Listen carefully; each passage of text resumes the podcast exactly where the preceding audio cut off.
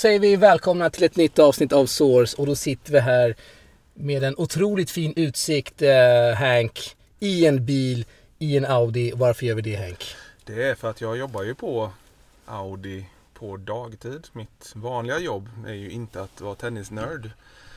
Det finns en annan tennisnörd som är det, Jonas nere i Malta. Eh, han gör det jäkligt bra. Men mitt vardagsjobb är att sälja Audi på Atterviks i Jönköping. Så om vi lägger in lite smygreklam så är det faktiskt mig ni ska vända er till om ni ska köpa en Audi och ingen annan. Bara så ni Det, vet. det får man göra. Uh, sök upp Hank, Henrik Wallensten i Audi Atterviks Jönköping. Vi sitter här i en E-tron. En otrolig bil Hank. Ja det är det faktiskt. Det är Audis första elbil. En eh, rätt trevlig bil faktiskt. Som, eh, ja, den är riktigt skön att köra. Bara att tänka på miljön dessa dagar också. Eh, det är lite surr är om det nu. Ja. Så ehm, ja, men det, det är en riktigt schysst bil och tänkte att då får ju en sån maestro som Alex eh, testa på den när han ändå är på besök här i stan. Ja, det är, jag är imponerad i alla fall. En sån här ska man ha om man en dag har råd. Tycker jag och det kommer du ha. Går det, fortsätter du att grinda så här som Tennisportalen gör, särskilt när en vlogg slår sen. Alltså när ni får ut den på engelska du och Ragen, då kommer ni bli sådana YouTubers så det bara liksom det finns Du gillade den alltså i Ja, ja. Stockholm där? eh, tycker den var faktiskt ett av de bättre jag sett. På allvar, det är ingenting jag bara hittar på. ja, Den var vi sjukt uppskattar bra. det. Eh, Jag har faktiskt inte översatt det på engelska men det kanske kommer. Eh, Det kommer helt enkelt. Den låter bra. Ragan gjorde ett bra jobb. Ja, det, Han gjorde det mesta ska jag säga. Jag filmar ju bara. Jo men det ska ju också klippas ihop och det, det var nej, den kombinationen. Det var humor och det var allvar. Ja, Det var riktigt bra. Det, den var, man längtar faktiskt efter dem igen där. Ja, tack. Vi kommer, vi kommer att köra här mot Chile i eh, Kungliga Tennishallen. Då jävlar, då kör vi igen. Kul. Du Så- kanske är där också. Det är inte omöjligt. Vad Härligt. Eh, Du nämnde tennisnörd där. Eh, Jag har skrivit här "F- Sveriges främste materialguru eftersom han bor på Malta. Så då har ju du liksom den eh, tronen. Ja, det kan man nog säga. Men alltså, Jonas är ju... Han är sjukt kunnig. Jag skulle nog vilja säga att han är, han är mer vass än vad jag är faktiskt på nörddetaljerna så att säga. Han är... Han, jag skulle, hade han bott i Sverige så hade jag sagt honom som nummer ett. Sen finns det säkert många andra som inte är ute i ljuset så att säga. Som grindar på sin kammare med eh, egna maskiner. finns några som är jättekunniga också som eh, jag känner som, som har grym kunskap men som inte liksom kanske delar med sig av den på samma sätt. Då.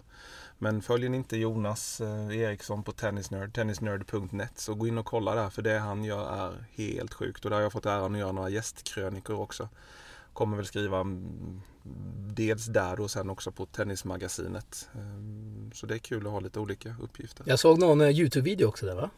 Ja, på Tennisnerd. Ja, Ja, Du vi- var med? Ja, vi var med i, när vi träffades när vi var nere en sväng i Marbella med eh, Audi och Volkswagen-gruppen så eh, var Jonas där och då spelade vi en och en halv timme och så testade vi ett rack där han filmade när vi körde lite grustennis. Så det var trevligt. du får berätta här. Var kommer den här passionen eh, just kring material ifrån?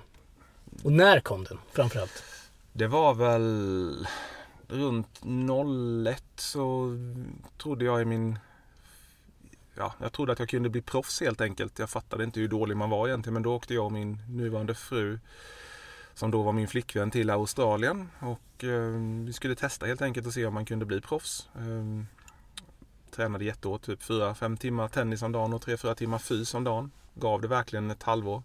Så märkte man när man mötte de här som typ kvalade till Australian Opens juniorklass att man, ja, man förlorade typ 6-2, 6-3 och sånt här och då kände man att man ligger för långt efter. Det är liksom inte värt att lägga ner det här jobbet som de gör. Jag orkar liksom inte, för lat, för gammal. Um, och då provade jag att hjälpa till lite som tränare och det var ju kul så men jag tyckte det blev lite för enformigt så man får ge de som är tränare en jäkla cred för det jobbet de gör. Många tror att det kan vara rätt glassigt men det är riktigt hårt jobb och väldigt mentalt påfrestande att hitta på nytt hela tiden och sånt där. Men då kom jag på att material tycker jag är kul. Det är kul liksom att trixa med racket där. Och så fick jag jobb på en tennisshop, Serve and Volley, i utkanten av Melbourne. Bra namn. Riktigt schysst. En eh, spanjor som heter José Fernandez som hade hand om den, eller har hand om den. Och då började vi att stränga rack. Mycket rack. Det var liksom stränga då kanske 20-30 rack om dagen där. Wow. Och trixa lite. Eh, Och sen efter det så fick jag jobb på tennisshoppen i Göteborg. Ehm, av en kille som heter Mikael Andersson som ägde shoppen då. Jobbade där ett tag. Eh, och då var det ännu mer att vi började liksom att trixa med att fixa grepp och blya, silikon och allting sånt där. Och sen har det bara spunnit vidare och det har blivit mer och mer eskalerat. Man har fått mer och mer frågor. Och det är inte särskilt många som gör det överhuvudtaget. Och då blir det mer att man får väl en rätt stor kunskap när man nördar ner sig i någonting. Du, eh, går ryktena om att du har någon typ, typ av friggebod hemma? Med bara rackets och strängningsmaskiner och sånt. Ja, det inget, Stämmer det? Nej, det är ingen friggebod. det är I garaget så är det ett varmförråd. Ja, okay. Eh, och där har jag ja, lite prylar då för att fixa i ordning lite maskiner och sånt. Eh, så att den, eh, där kan man spendera en del tid. Det är många som tycker det är den där det är som en Batcave ungefär med alla prylar och rack och sånt. Och där har man trixat till rätt mycket rack. Big Mac Eriksson har varit hemma där bland annat och Oj. fått sina rack fixade. Ja, det är stort. Ja, det är faktiskt riktigt stort. Han är en det är en kämpe utan dess like, det är Mackan. Han gillar vi. Jonathan Merida har varit hemma en gång också. Också en jäkla skön och snäll pojke. Det har inte nämnt för mig men... Eh, jo men det var länge Det är otroligt stort att höra att eh, två DC-spelare har varit hos ja. I ditt garage. Ja, han, jag tror inte Jonte var i garage, eller i förrådet där dock. Ja, okay. Utan vi var nog, han var nog bara hemma spontant och, och hälsade på lite. Så att, um, Patrik Rosenholm har varit där också förresten. Har vi tre DC-spelare? Ja, så att, nej, men det, det, är kul att hålla på liksom och trixa och sen i och med att man spelar själv så vill man gärna ge sig själv de bästa förutsättningarna och då, då är ju en sån eh, kunskap rätt så man förlorar inte i alla fall på att man har fel material så att säga för det skiljer rätt mycket på. Säg att om du köper fem olika rack, alltså fem racket av samma modell så um, du lägger dem på en sån maskin så kommer du se att både svingvikt, vikt, balans skiljer sig rätt mycket. Får man till det så att allting är samma så slår du av racket till exempel på en DC-match. Slå av senan och så ska du ta ett nytt på en setboll på en andra serv. Då vill du gärna veta att den känns precis likadan. Köper du fem likadana racketar på en butikshylla så gör de inte det. Det skiljer. På en väldigt amatörnivå då märker du inte någon direkt skillnad men en Davis Cup-spelare som märker skillnad på gram på strängning. Där kommer det märkas en stor skillnad. Hur kan det vara sån skillnad om det är liksom samma modell, samma tryck? För mig som är liksom, är inte att, har så mycket kunskap i ämnet här. Det är att när du tillverkar ett rack så har fabrikerna olika toleranser. De har alltså plus minus 7 gram på vikten och eh, plus minus några millimeter på balansen. Och säg att om det skiljer då plus 7 gram på ena racket och minus 7 gram på det andra, då är det 14-15 gram som skiljer. Och det kan göra att den så kallade svingvikten, alltså den vikten som upplevs när du svingar racket i luften, Eh, Ehm, den kan skilja kanske 20 gram. Så att du istället för att en racket upplevs som med strängar att den väger som 330 gram så kanske den väger 290 gram, 310 gram. Och sen har du upp den extrema kanske den väger 340 gram.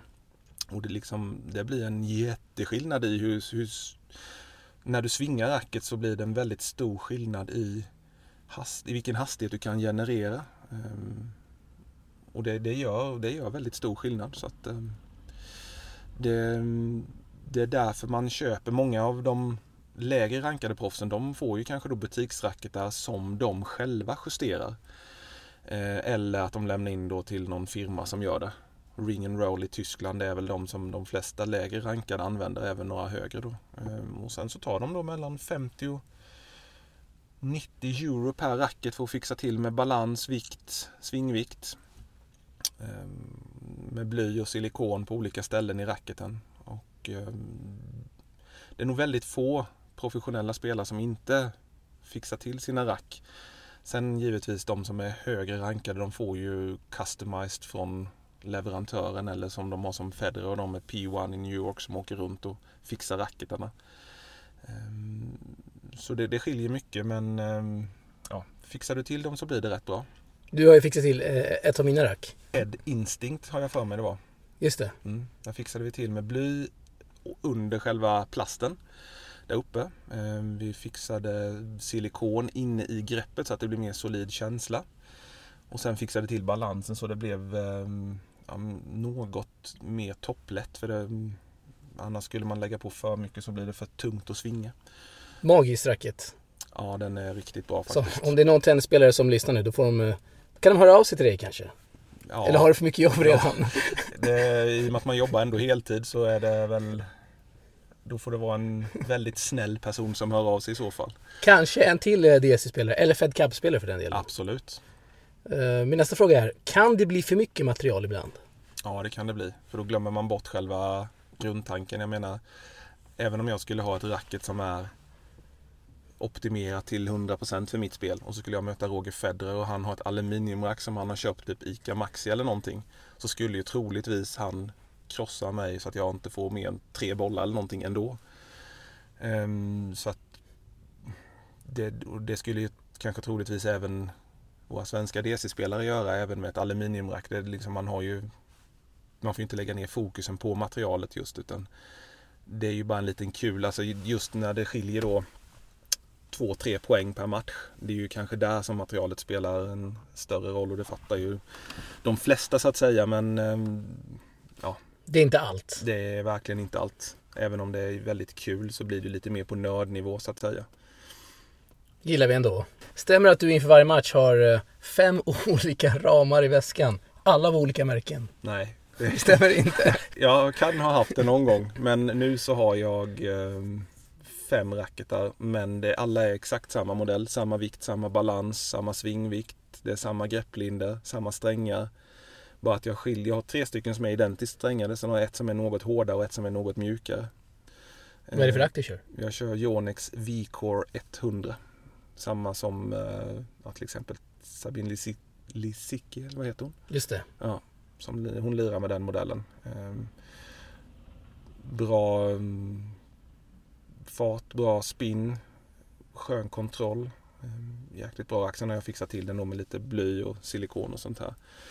Och sen kör jag en Yonex Polytour Strike i 50 pounds som strängar. Sen går du upp lite i strängningstryck, då får du mer kontroll. Många tror att om du strängar hårdare så kan du slå hårdare. Och det är i viss mening sant för att då kan du ta i mer men bollen sitter så att säga. Men du får mer kraft ju lösare du har. Desto, mer, desto lösare du har. Det är egentligen bra att kunna spela med så löst som möjligt för då har du mer känsla och komfort. Men um, du har um, mer kontroll ju hårdare du strängar. Bra skit. Mycket. Du, vi har kollat på din Insta här, eller jag kollar nu. Eh, vi ser att du är en eh, gedigen matfantast Hank. Ja, det är sant. Ett annat intresse du har eh, utöver tennisen då? ja, mat är gott. Och kebabpizzor i synnerhet. Ja, alltså det, nu har man ju tränat på lite så att nu har man ju blivit rätt så okej okay, trim igen i och med att man har börjat spela tävlingar då. Men kebabpizza kommer man... Det är nog det sista jag skulle välja bort. Det är mycket sås. Mycket Eller har du, du väljer aldrig bort såsen? Nej! Även fast du. Nej, nej, nej. Det är ju du är ju jävligt fitt nu ska vi säga. Ja, tack. Tränar hårt. Eh, kebabsåsen är ju rätt unik. Den är ju viktig. Eh, här i Jönköping så har vi ju en rätt unik eh, kebabkultur och jag vet att många tycker det är helt sjukt med de sakerna vi har på våra kebabpizza här i Jönköping. Men... Det har någon speciell sås där som inte är ren vitlök som vi kör i Stockholm. Nej. Utan det är någon, jag vet inte vad det är för blandning. Det är typ yoghurt, eh, majonnäs, eh, Fanta tror jag faktiskt de har i. Ah. Spad från Feferoni och så lite kryddor då. Eh, och det blir väldigt gott. Test, är ni i Jönköping, testa en kebabpizza med mycket sås. Kan du beskriva hur såsen smakar för den som aldrig har smakat den? Alltså om man ska beskriva kärlek någon gång, typ hur det smakar, så är det faktiskt så som kebabsåsen i Jönköping smakar. Nej men det är lite åt inte Rhode Island-sås, men om man skulle blanda typ Rhode Island-sås med eh, Stockholms vitlökssås. Det låter ju... Det låter obskyrt gör det faktiskt. Men eh, testa den alltså, den är riktigt schysst. Sen hade det funnits tzatziki som är mm, gudarnas sås. Då hade jag faktiskt tagit den. Men det är väldigt få som har tzatziki till Kom inte att devalvera den grekiska kulturen med att köra tzatziki på kebabpizzan. I Australiens grekkvarter har de det. Det måste du testa. Nej, jo, jo. När du åker sant? till South Melbourne nästa gång du åker till Australian Open, då måste du testa. Det är ju värre än att köra eh, ananas på pizzan. Så det är rätt gott med ananas på pizzan. Du gillar det också? Ja. Herregud. Hur ofta kör du dessa kebabpizzor nu för tiden när du när du är i riktigt bra form? Inte så ofta. Det alltså, jag, har, jag är ju pizzafantast så jag har ju en pizzaugn hemma också. Så att nu kanske man kör det en gång var tredje, var fjärde vecka. En kebabpizza. Men eh, pizza hemma kan man göra. Jag har en liten stenugn som det är gott att baka pizza i. Kör du egen sås då? Det gör jag inte. Då kör jag faktiskt den italienska stilen. Ja, okej. Vår gemensamma vän Sebastian Gustafsson han är ju på mig rätt hårt om hur en pizza ska vara. Så det blir att jag lyssnar på honom rätt ofta där faktiskt och gör en riktig italiensk pizza. Och det är ingen sås alls? Nej det är ingen sås, det är bara mm, Egentligen, egentligen är det bara mozzarella, tomatsås och basilika på egentligen. Men sen tar man ju lite salami också givetvis. Det är gott. Det är bra grejer. Mycket bra grejer. Du, vi ska köra din eh, topp tre-lista här. Eh, eller du ska få, ja precis, topp tre-lista. Det kan vara tennis, det kan vara mat, det kan vara familj, det kan vara något annat som jag inte har nämnt nu. Vad väljer du? Högst på listan. Högst på listan. Alltså, är Vågar ju- du se något annat än familjen? Nej det gör jag faktiskt inte. Frugan lyssnar. Ja, det, det är ju faktiskt så att familjen är ju nummer ett. Det måste man ju säga. nummer två är nog eh, Även om det kan låta kanske sjukt för många så har jag ett jobb som jag trivs sjukt mycket med. Och jag vet inte, man Alltså det är ju en glädje att få gå till jobbet varje dag. De lyssnar också just nu kanske. Det är inte omöjligt. Eh, Det är genuint kul att gå till jobbet. Det är hur bra arbetskamrater som helst och hela, jag tycker om företaget väldigt mycket. Så att jobbet är, det, jag trivs väldigt väl där. Eh, Sen visst, man lever ju inte för att jobba utan du jobbar ju för att leva så den, resor är ju också en stor del. Eh, Kanske jobbet nummer tre och resa är nummer två då, så får vi säga. Vi har sett att du har varit eh, i Estoril i år va? Mm. Och eh, vad är det mer jag... Ja, nu har jag nämnt en här. Svärföräldrarna bor ju i Lissabon så vi brukar åka ner dit en gång om året och det är ju i samband med Estoril Open. Så där eh, var jag nere i år igen. Det var nog tredje eller fjärde året som jag var där. Robban Lindstedt fixade in mig på den tävlingen så stort tack Stort. till Robban. Han är schysst Robban liksom. Han, inte, han, han frågar snällt och så om eller han frågade om han kunde fixa så att han är jäkla bra grabb Robban. Jag gillar honom skarpt. Eh, sen brukar jag åka runt lite och spela lite sådana ITF Seniors tävling också. Jag har varit i Marbella någon gång. Ehm, någon sväng i, var jag i somras? På Mallorca ja. Med, på vanlig semester då, men spelar givetvis tennis. Jag försöker alltid spela tennis på semestern. Du var, var väl i Kitzbühel nyligen också va? Ja, Var det var, året? nog, nej, det var nog 2016 Det var så- eller 2000, nej, 2017 var det jag var där. Ja, okej. Då var jag på en dag på Generali Open i Kitzbühel. Den tävlingen måste alla besöka. Den är helt sjuk. Den är riktigt trevlig. Vid bergen typ. Ja, den är helt... Det finns nog ingen mer gemytlig tävling än Kitzbühel. Alltså den är så jäkla schysst att se. Man var, är i bergen ena dagen, sen kollar man tennis. Du har nära till Medelhavet. Den är helt suverän att åka till. Bra läge också där i slutet av sommaren.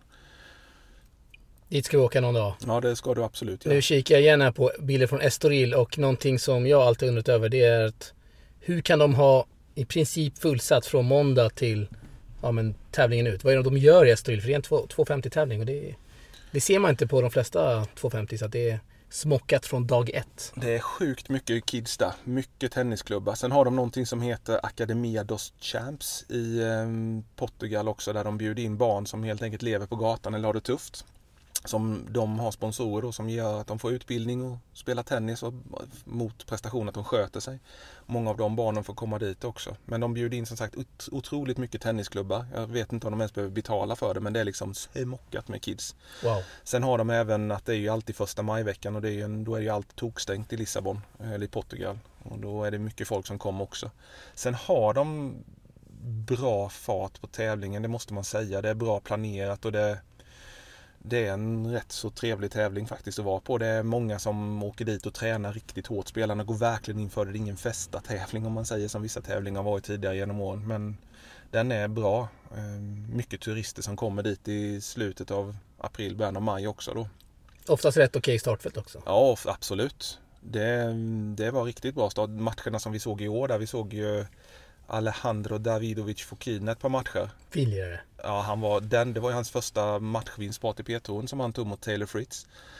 Och han spelar så sjukt underhållande när han är på humör. Men han är ju humörspelare så att det är ju... ehm, det är en humörspelare är det. Eh, Men det, det blir bra klass på den tävlingen. Många som sagt de bryr sig så att... Såg du när Sosa spelade också? Ja, Hur var trycket? Från portugiserna? det är bra men Sosa är ju rätt så, alltså inte Pedro Sosa utan det. Sosa. Han är ju, han, han beter sig rätt illa mot sin box. Han är mycket, mycket negativa gester och eh, han, det känns som han har en 500 tons blykula på huvudet i Portugal känns det som. Eh, Men det är bra tryck är det. Eh, Men sen är det oftast faktiskt bättre tryck när som Joao Dominguez som jag tror han slog Elias Ymer i kvalet bland annat. När de lägre rankade spelarna spelar då är det verkligen genuint glädje så att säga. Det är ungefär som kanske ja, typ Jonathan Merid eller Mackan Eriksson går in på en fullsatt centerkort i Stockholm Open och skulle slå. Eller som när Rosenholm slår Monfils. Det blir Just den det. stämningen typ. Så den är också bra tävling att åka till. Lissabon är en riktigt schysst stad.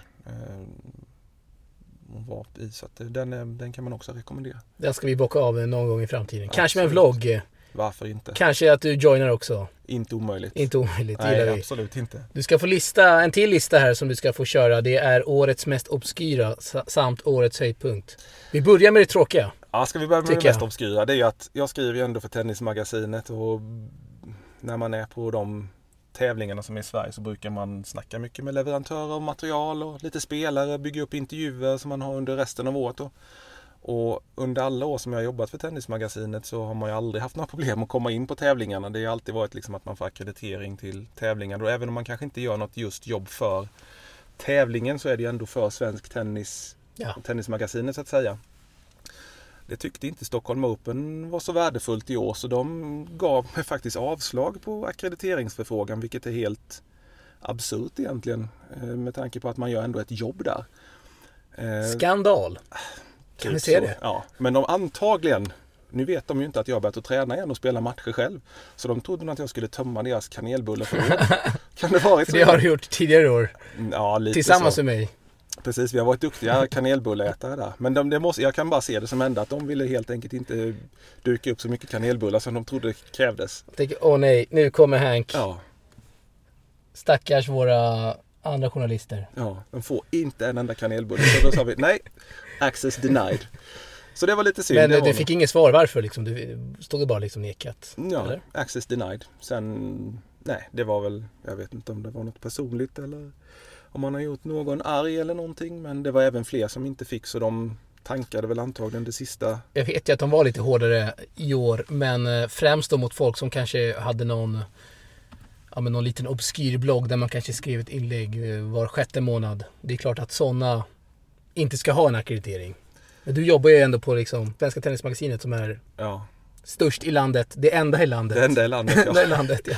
Så det var lite, det var, det får nog nästan säga som det mest obskyra personligen i alla fall. Det förstår jag. Det, där listar vi. Ja, Och eh, då kör vi årets höjdpunkt här. Du hade flera vad jag ja förstår. det finns ju, året är ju långt så att säga.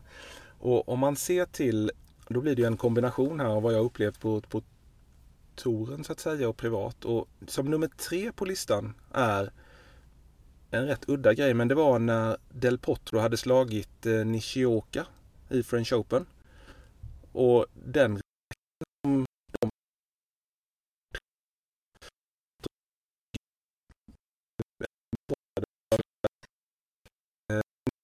Om liksom det, var, det, var, det var ett fint ögonblick faktiskt. Det var, det var sån respekt av, efter en sån femsetsmatch. Så det var, Det det var, ja, det var faktiskt det var liksom genuint äkta vackert. Sen nummer två är Del, eller vad heter det, Andy Murrays comeback. Att han ändå kommer tillbaka från den ja, som man trodde då var karriärs avslutande skada men att han kommer tillbaka och nu i slutet vinner en tävling och ändå visar den glöden att han vill ju verkligen tillbaka. Sen om han kommer ta sig upp igen, topp 10 kommer han troligtvis bli. Ja. Men han kommer ju inte kanske nå upp till världsetta igen men att han ändå kanske kan vara topp 10 och ha ett par år till. Och ändå visa glädjen. Jag menar han har ju så mycket pengar så att han behöver inte tänka på pengar utan det är bara för glädjen till sporten. Det var väldigt kul. Och sen nummer ett på listan är en väldigt, väldigt otippad händelse. Men Oj. det var under Swedish Open i år. Oj, Så spelade Juan Ignacio Londero. En, bra uttal. Ja, tack. En riktig grusgnetare från Argentina. eh, Som har kommit fram rätt stort på senare, senare år mot en eh, bolivian som heter Hugo Delien. Och det är två riktiga grinders. Det är 40 gånger över nät på varje boll och mycket varmos och stön när de spelar och slår hårt. Eh, Då satt jag tillsammans med den gode Alex här på Ja, tennisportalen. gjorde du. satt vi ihop där vi. på bakom baslinjen årets varmaste kväll. Helt vindstilla, solnedgång och såg tre timmar sjuk grustennis. Ja, det var magiskt. Ja, och det var typ 40 pers på läktaren på Centercourten i Båstad. Men det var Många kanske tycker det, ja, men det är korpnivå, men det är det ju absolut inte. Det var Nej. grusnivå som heter duga. Och det var sån passion och känslor. De gick verkligen, de ville båda vinna och det, det var det var sjukt trevligt att se. Det var nog faktiskt årets tennishöjdpunkt för mig, även om det för Ja, många det kanske är en riktigt stort att du nämner den. match i parentes. Men um, det, det var kul händelse det. Jag ser hellre en sån match än att se Fognini möta, vad vet jag, Verdasco i Swedish Open och det är liksom halv tank nästan. Och det är, även fast det är fullsatt på läktarna så är det en skräpmatch. Ja, men det är ju Man ser faktiskt ju hellre de här matcherna. absolut. Där det är bra, jävla ja, bra ja. kvalitet. Absolut, så det var, det var årets höjdpunkt. Grind från Delhien och Londero. Jajamän. Du är en sann tennishipster. Har du koll på vad en sån, sådan är? En Du tennishipster. kanske har följt Erik Jonsson på Twitter. Han har ju sån här en handbook för vad en tennishipster är och där skulle du garanterat platsa in. Jag kollar ju nästan aldrig Twitter längre. Gör inte det? Nej, jag tycker bara det är en massa skit på Twitter. Så mycket negativt. Så mycket fokus på allt som är negativt. Mycket Du hat. får ju avfölja folk och blocka. Ja, men alla är ju typ bara retweetar ju massa tråkigt. Det är ju bättre typ om alla säger bara men typ men nu har en katt räddats från ett träd i Jönköping eller eh, vilka du följer alltså. Ja, man får nog börja följa lite mer feelgood och inte bara massa tråknissar. Jag följer bara tennisfolk. Ja. Så det där når, når mig inte. Nej, det låter bra. trams. Nej, jag får, nog, jag får nog bara kolla över mitt. Så avföljer Jag jag, någon, det. avföljer jag någon av er, ta det inte personligt då utan då får ni ändra attityd och inte publicera massa skit. Ja, det är bra. Mycket Här, roligare att läsa om katter som räddas än om typ världen håller på att gå under. följ Erik Jonsson, våran kollega här. Han är grym. Okej. Eh, Han har ju som sagt en handbook för vad en sann tennishipster är. Och det fick mig att tänka på, minns du när du och jag satt på pressläktaren? Jag tror det var Dutra Silva som spelade. Eh, Vi satt ju i Stockholm Open då och kikade någon match. Och så drog vi fram en, eh, en eh, livestream från när Dutra Silva spelade. Och kikade hellre på den. Ja, Minns från, du det en, från en challenger. Ja, exakt. Var det inte då Christian Lindell kom in och undrade hur det gick också för honom? Gjorde han det? Ja, jag för mig han satt och kollade på streamen också och ville se hur det gick för Dutra Silva på en grus-challenger. Och så tror jag det var en rätt bra match. Det var typ Dimitrov som spelade mot någon. Ja, det det var ju då Dimitrov gjorde de här slagen bakom ryggen och vi missade dem för att vi kollade på Dutra Silva. Det är rätt sjukt Det är faktiskt. sjukt. Ja, det är det. Men det, det också vad en tennishipster hade, ja, det hade platsat in. Så Ja. att säga. Du, jag har fått in många frågor här till dig. Du är populär. Ja, vad trevligt. Första från e- eh, Emil Holmgren här. Tar du fjärde singeln i Taberg 2020? I I elitserien? Elitserien ja. Borde du göra eller? Jag borde nog inte göra det, nej. Varför inte då? Därför att de spelarna som är där är riktigt bra. Jag får vara med och träna och det är jag jättetacksam för. Men eh, skulle en 40, då 42-årig gubbe fjärde singeln i elitserien då får det nog vara rätt stor brist på övriga talanger i tennis-Sverige. Är bara kolla Timfjord senast. Ja, Vad men han är ju, han är ju världens, han är ju bäst i världen i sin åldersgrupp. Han är ju en... Han är det? Ja, den matchen han gör mot Fredrik Nilsson är helt är helt sjuk. Ja, det, det, 9-4. ja, det han gör alltså, det är helt sjukt Timfjord. Så jag, jag kommer nog inte gå in. Jag är jätteglad att jag får vara med och träna med de pojkarna i alla fall. Och en- Vilka har ni eh, som... Jag vet att ni har Jonathan Stenberg där. Jonathan Stenberg är ju första singel och det är nog världens mest seriösa tennisspelare på fullaste allvar. Han är minutiös i allting. Riktig, riktigt professionell eh, kille. Han är även tränare i Tabergsdalen så han är, han är enormt värdefull att ha i klubben. Sen har vi haft eh, Jakob Arvidsson En, Just det. kille från... Följer han på Insta. Ja, också jättebra grabb. Seriös, tränar bra, fint spel. Du har haft en Mikael Melin eh, som har spelat mer förr i tiden men fortfarande har jättehög klass. Och Karl Ekvutzel som framförallt har spelat dubbel. Han var väldigt duktig när han var yngre. Fortfarande bra spelare. Du har haft några, en junior som heter Albin Hermansson från Nässjö som har börjat i Bergsdalen. Han kommer bli riktigt bra den pojken. Eller han är bra redan men han kommer bli ännu bättre. Eh, Marcus Billfelt som nog har världens högsta kapacitet när han får ihop allting men kan vara lite ojämn. Men får, får han, om han fortsätter träna sin fys och håller uppe den nivån han har så kan han fan ta ATP-poäng, ursäkta svordomen. Det är lugnt. Eh, sen har du även ehm, Erik Löv. Erik Lööf har vi. Nej, han kör, eh, Han kör, han kör rullstol. han kör men han finns med på ett hörn där kanske. Ja, han är med som en glädjespridare. Han är alltid, han är alltid glad Erik. Jag älskar honom. Han är riktigt god att ha i klubben. Jäkla kämpe alltså. Följer ni inte Erik Lööf på Instagram? Följer sök- han på Insta direkt. Sök upp honom och följ honom och ge honom allt stöd och kärlek ni kan. För det är en kämpe utan dess like. Eh, sen har vi även Johan Claesson som spelar i laget. Ehm, som jobbar som tränare tror jag i Linköpingstrakten någonstans. Men han är med också och tränar mycket med Jonathan Stenberg och här nere han spelar i klubben. Sen kan jag ha glömt någon och då får ni inte hänga mig för det men eh, det är de som vi har just nu i alla fall. Men finns det kanske inte en, en liten möjlighet att du eh, någon match eh, Jag kan vara med som coach i alla fall. Ja, men tänk på banan också att du eh, Nej, det får de få om de kanske andra sista har. matchen. Ja, skulle de ha... Skulle det inte betyda någonting då kanske man... Nej, jag kan inte... PR-trick, Ja, det kan det eller vara. hur? Om typ tidernas äldsta det är elitseriespelare möjligtvis eller någonting sånt. Eller tyngsta, jag vet inte. Source, eh, inte debutanten för det har varit med förut. Eh, Source-prataren gör debut i elitserien. Det hade varit en bra Det rubrik. hade varit schysst. Men jag tror tyvärr att det blir en utopi. Och det är ingenting jag skulle kräva heller. Utan jag är jättenöjd om jag bara får träna med dem och titta på när de spelar match. Jag förstår. Eh, Robert Linde här har eh, skickat in en drös, drös med frågor. Vi kommer ta alla här. Är Wilson US Open bästa tennisbollen? Nej! Utveckla. Den eh, är väldigt skön. Men den slits enormt fort. Den är nog den... Alltså det finns, bollar är ju jäkligt känsligt och väldigt privat. Eller vad heter det, väldigt eh, individuellt. Wilson US Open har jag alltid haft som favoritboll innan. Eh, Den, den är sjukt skön att prestera direkt. Så fort du öppnar den så är den liksom skön att spela med. Vissa bollar kan ju ha en viss inspelning. US Open var min favoritboll innan men som sagt den slits väldigt fort. Ehm, men jag tycker inte att Wilson US Open är den bästa bollen utan jag tycker personligen att RS White Edition är den skönaste. För mitt spel är den överlägset skönaste bollen som finns just nu. Ehm, och det är liksom, men det är väldigt personligt. Många, många, och jag vet extremt många tycker att US Open är den bästa bollen. Men för mig personligen så tycker jag RS är snäppet bättre just nu. Den har en bättre filt som passar min spin bättre på bollen i alla fall. Om vi vänder på frågan då. Sämsta bollen, finns det någon sån? Alltså det finns, jag gillar ju personligen kanske inte Triton Series eh, för den är så jäkla hård så man får ont i armen. Men den är också väldigt omtyckt, den håller väldigt bra och så. Men ehm, nej, den, det finns just nu ingen boll som är riktigt dålig. Det gör det inte. Inte vad jag tänkt, kommer på nu direkt i alla fall. Givetvis, alltså det finns ju olika, det finns ju sådana här träningsbollar som är stenhårda men de är ju de är, jag tänker att du menar tävlingsbollar Ja, ja, då så att nej, det, det finns ingen boll som är riktigt, riktigt dålig.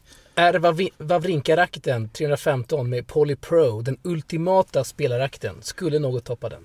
Ja, alltså Wawrinka har en racket som väger 330 gram. Hans racket är svintung. Eh, Men den modellen han menar är, den är riktigt bra allround-racket. Sen 315 gram är rätt, det är lite för tungt för motionärer. De ska ligga runt 300 gram. Den racketen som Wawrinka har, V-core, eller han har egentligen en annan, men den som han marknadsför i alla fall heter V-core 97. Och eh, den finns även som V-core Pro 100. Och eh, den är mer lämplig för motionärspelare. Men eh, nej, jag tycker att min V-Core 100 är betydligt mycket bättre. Sen har du även till exempel som Bubble Up Pure Drive. Det är ju den racketen som alla egentligen försöker efterlikna i den här typen av racketserie då. Ehm, Den tycker många är väldigt bra också. Vilken är den ultimata tennisskon?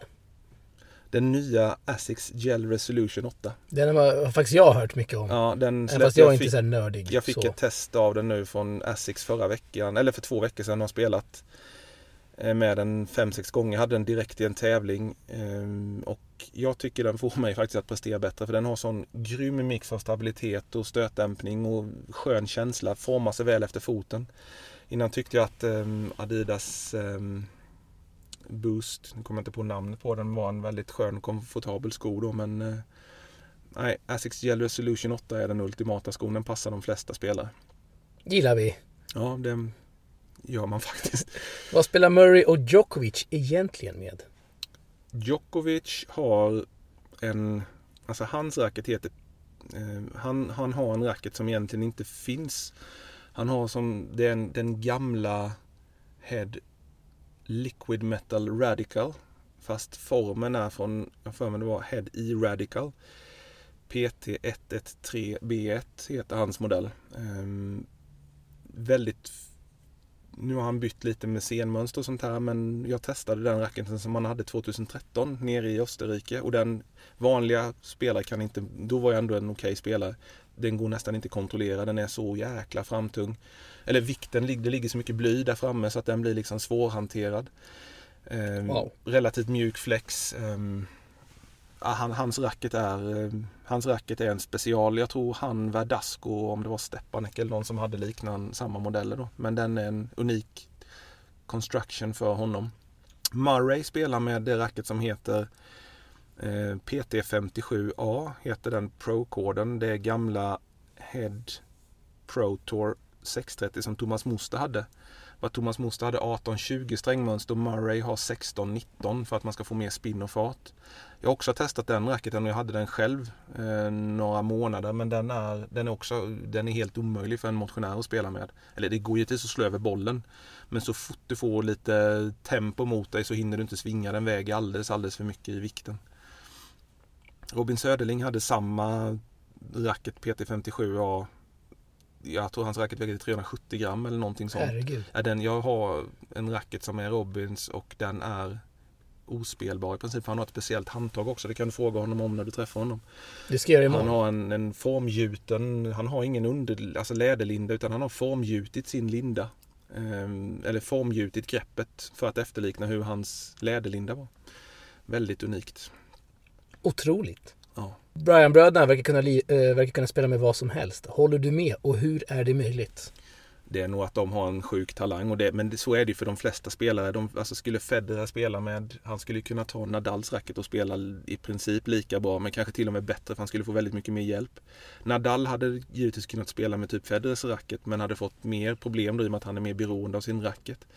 Men Brian-bröderna de, de träffar ju liksom, titta när man när de spelar så sitter 100 av 100 slag mitt i sweet spot, alltså mitt i racketens mitt. Så de är nog, eh, de är bara genuint, genuina talanger som tar det som liksom känns bäst för dem. Nästa fråga här. Spelade Agassi egentligen med sin gamla Donay? Ser man så? Hela karriären, eller vad hade han? Han hade ju, Head gjorde ju, jag för mig det var 1994 när de gjorde en kopia på hans dåvarande Donay Oversize. Um, det var ju alltså Head tillverkade ju fysiskt hans racket i fabriken i Österrike. Men eh, Agassi har faktiskt bytt och testat rätt mycket. Han har haft 20-21 strängmönster, alltså 21 strängar på bredden och 20 på längden, vilket är rätt unikt. Så han, han har experimenterat rätt mycket med racket. Alltså han hade inte sin Darnay-racket under hela karriären. Utan han hade en racket som var tillverkad av Head men med vilken layup som det heter då, alltså vilken konstruktion, det är ingen som vet egentligen. Vad tror du är nästa grej inom racketutvecklingen? Många trodde att det var um, sensorer i racketarna så man kunde se liksom hur man hade träffat, hur många slag och allting sånt.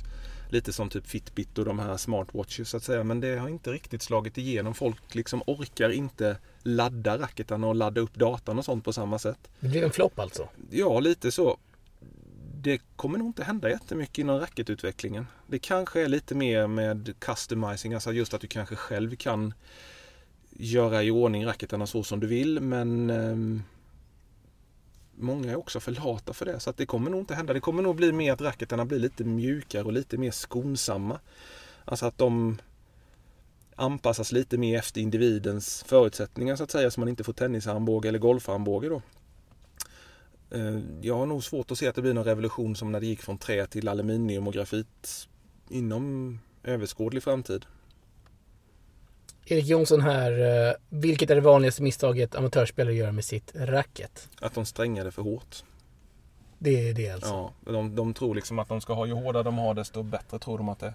Man ska alltid stränga så lågt som man bara kan. Det är skonsammare, du får mer spinn, mer fart, mer komfort. Allting är bättre. Sen också att man inte byter grepplinda. Om du tittar på motionärernas grepplindor så är det liksom hål i dem och de är kolsvarta. Det är VM i bakterier. Skitäckligt. Så att grepplinde ska man eh, byta ofta. Det är viktigt och då behöver man inte byta själva grundlindan om den inte är hål på så att säga. Men annars byter man bara det här tunna overgrippet som säljs i trepack. En eh, spontan eh, fråga från mig här. Skönaste lindan? Utan overgrip alltså. tvekan Wilson Pro Overgrip. Ute den är en egen liga. Många säger att Yonex Pro Super Grap som den heter är skönast men Jag har testat både Supergrap och eh, Wilson sida vid sida och de är relativt lika. Men jag tycker personligen att den Wilson Pro Overgrip, jag tror, om inte Federer har den också över sitt grepp. Jag tror det. Eh, Den är, en- den är helt outstanding. Eh, Rivell Rille här, sista frågan. Vilket tennisracket är den skönaste genom alla tider? Den är rätt svår den frågan. Det är tuff. Ja, den är riktigt tuff. Ehm, Det finns, alltså det är ju högst personligt. Jag tycker att den första Pure Drive som kom 94, släpptes i Sverige 97, den är den skönaste racket jag har spelat med. Eh, Det är faktiskt den modellen som Fognini fortfarande spelar med. Carlos Moya har den, han som tränar Nadal. Han har fortfarande den också. Eh, Eller de har kanske till och med den som heter Soft Drive, men det var samma form så att säga. Men första Bubble Up Pure Drive som kom 1994, det är den skönaste racket som finns. Är den Alessandro Motti kör också? Nej, han har den som heter Up Pure Drive Team. Okej. Eh, Den kom, inte Dominic Team utan Team som i lag. Den kom eh, runt 2003, 2004 någon gång. Då var inte team så gammal. Det var han inte. Dominic. Eh, Alessandro Motti är alltså en italiensk dubbelspecialist som högst begränsad sådan. Han var väl och snuddade på ATP-touren någon gång va? Någon Ja, gång det var han. Det var han. tävling. Väldigt snäll person. Väldigt, väldigt snäll. Väldigt snäll. Och ja, det var alla frågor Hank. Otroligt kul att vi kunde köra 42 minuter med dig här idag. Ja, det var skoj. Gillade det? Ja, men det är kul. Det är alltid kul att få ställa upp och att ni vill lyssna på en gammal gubbe så här. Du är inte gammal. Nej, Du, om du har lyssnat på Source, vilket jag förmodar och hoppas att du har gjort eh, genom åren, så vet du vad som väntar nu. Eller? ja, det gör jag faktiskt. Vad händer nu? Att vi ska önska en låt. Yes! Och det har jag inte ens tänkt på. Ja, du får eh, köra en spontan här. Jag har varit inne på mycket svensk hiphop här på sistone. Du behöver inte köra samma spår. Men Nej, jag, jag tycker verkligen hiphop är anskrämligt illa. Jag hatar hiphop. Som den är idag eller som den har varit? Jag- Genom alla tider. Jag hatar hiphop. Det är så dålig musik. Du gillar inte Petter liksom? Nej, ja, jag, jag gillar, den enda Petter jag gillar är Petter. Petter Pettersson? Ja, precis. Det är den enda Petter jag gillar. Och Timbuktu är inte min favorit, nej. Eh, okej. Däremot så skulle vi nog göra. kunna ta, jag kan spela min dotters favoritsång. Kör! Det är eh, Mi Corazon med gruppen Creole från San Andres i Colombia. Den kastar vi in här. Och eh, en bra låt Hank. Ja, väldigt skönt eh, Creole-gung. Och eh, då tackar vi dig Hank för att du kommer med här i podden. Eh, och vi tackar Atteviks i Jönköping, eller hur? Absolut. Och Audi. Yes. Audi Atteviks Jönköping. Det är bra grejer det. Mycket bra grejer. De, eh, det är våra gubbar just nu. Och Hank, en sista hälsning innan vi stänger ner för idag. Eh, kul att ni fortsätter att lyssna på Source podd och följa även Alex på Instagram. Mm, Min privat. tycker jag. Väldigt skön kille. Mycket, mycket goda matbilder där när han är ute och trixar med eh, Merida och grabbarna på ITF-touren. Och sen hoppas jag att det kommer någon sponsor sen till så att eh, vi, grabbarna på, på Tennisportalen kan ut och köra mer eh, vlogs alltså. För det tror jag alla de Hoppas jag med. Ja. Stora, stor potential att synas runt om eh, på nätet där. Uppskattas Hank. Lugnt. Vi hörs vidare helt enkelt. Tack för att ni har lyssnat. Tja! Hej!